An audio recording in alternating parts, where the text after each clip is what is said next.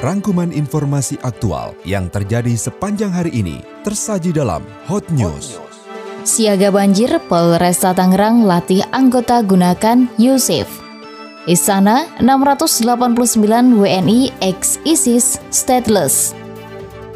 Kemenpora target 46 atlet lolos Olimpiade 2020. Bersama saya Oki Nuryanti, inilah Hot News. Selengkapnya setelah Traffic Info.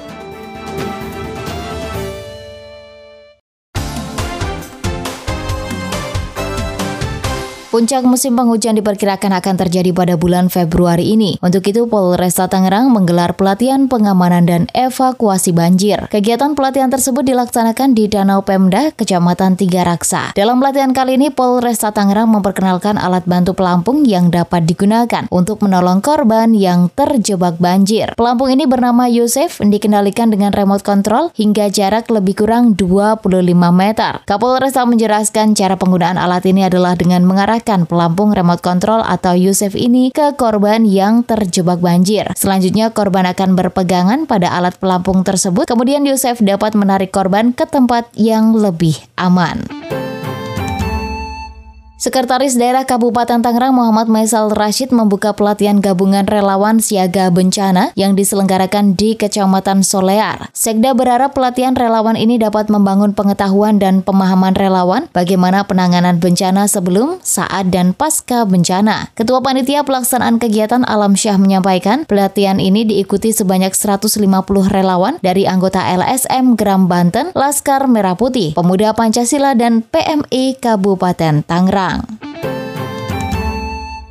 Kecamatan Rajak masuk kategori status Kecamatan Kumuh, namun status ini harus dicabut. Hal ini disampaikan Ketua Fraksi Golkar DPRD Kabupaten Tangerang Muhammad Amut saat acara musyawarah rencana pembangunan di Kecamatan Rajak. Pihaknya mengatakan di Rajak sudah banyak perumahan, akan tetapi status di pemerintah daerah masih masuk kategori Kecamatan Kumuh karena di wilayah Rajak masih banyak rumah tidak layak huni di setiap desa. Maka pihaknya mensupport program Gebrak Pakumis supaya kuotanya di ditambah. Istana 689 WNI ex ISIS stateless. Selengkapnya setelah selingan berikut ini.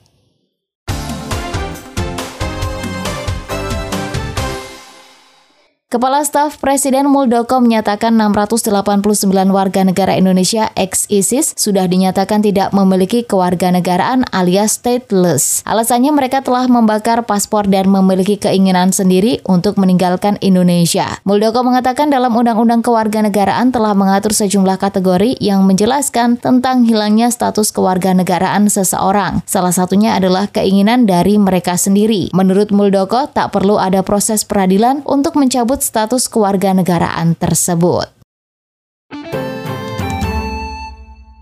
Humas Kementerian Hukum dan HAM Republik Indonesia Kantor Wilayah Sumatera Utara, Joshua Ginting, memberikan penjelasan terkait kerusuhan di Rutan Kaban Jahe. Pihaknya menyebut semua rumah tahanan dan lembaga pemasyarakatan di Sumatera Utara mengalami overkapasitas. Hal inilah yang bisa menyebabkan kerusuhan di lapas ataupun rutan. Rutan Kaban Jahe pun tidak lepas dari masalah overkapasitas. Di Rutan kelas 2B Kaban Jahe, kapasitasnya hanya 145 orang, namun faktanya di dalam rutan tersebut ter terdapat 410 orang.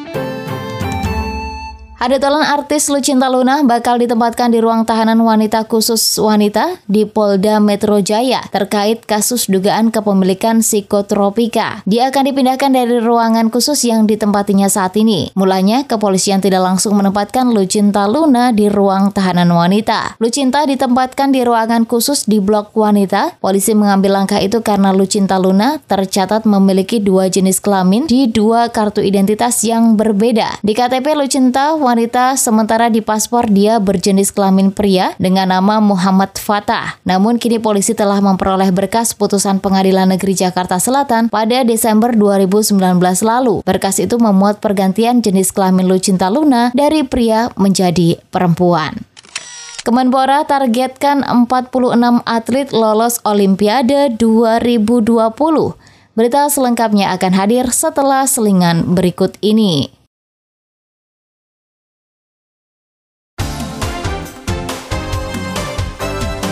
Handetolan Kemenpora menargetkan 46 atlet lolos Olimpiade 2020. Deputi 4 Kemenpora Chandra Bakti mengatakan, saat ini baru ada tiga wakil Indonesia dan dua nomor yang lolos ke Tokyo. Mereka adalah lalu Muhammad Zohri dari cabang atletik, Eko Yuli Irawan dari cabang angkat besi dan menembak atas nama Vidya Rafika. Sementara Panahan sudah mendapatkan dua tiket untuk nomor recurve perorangan putra dan perorangan putri. Untuk nama atletnya, mereka belum belum memutuskan.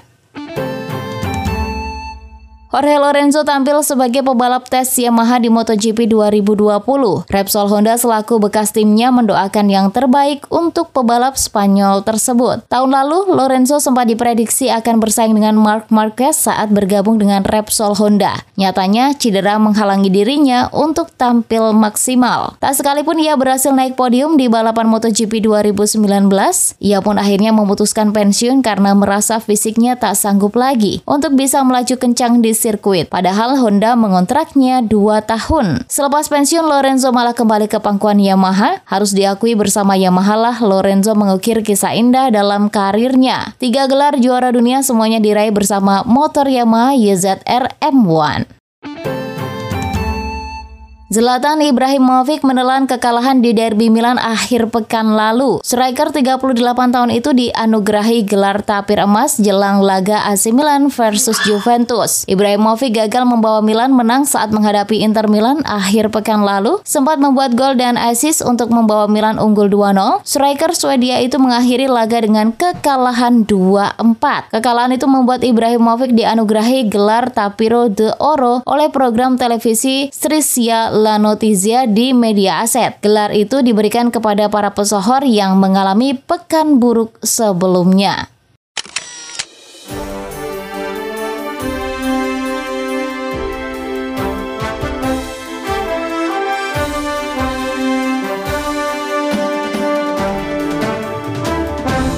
Sekian Hot News edisi Kamis 13 Februari 2020 kembali ke Andri dan Halida di Hot Horizon Tangerang.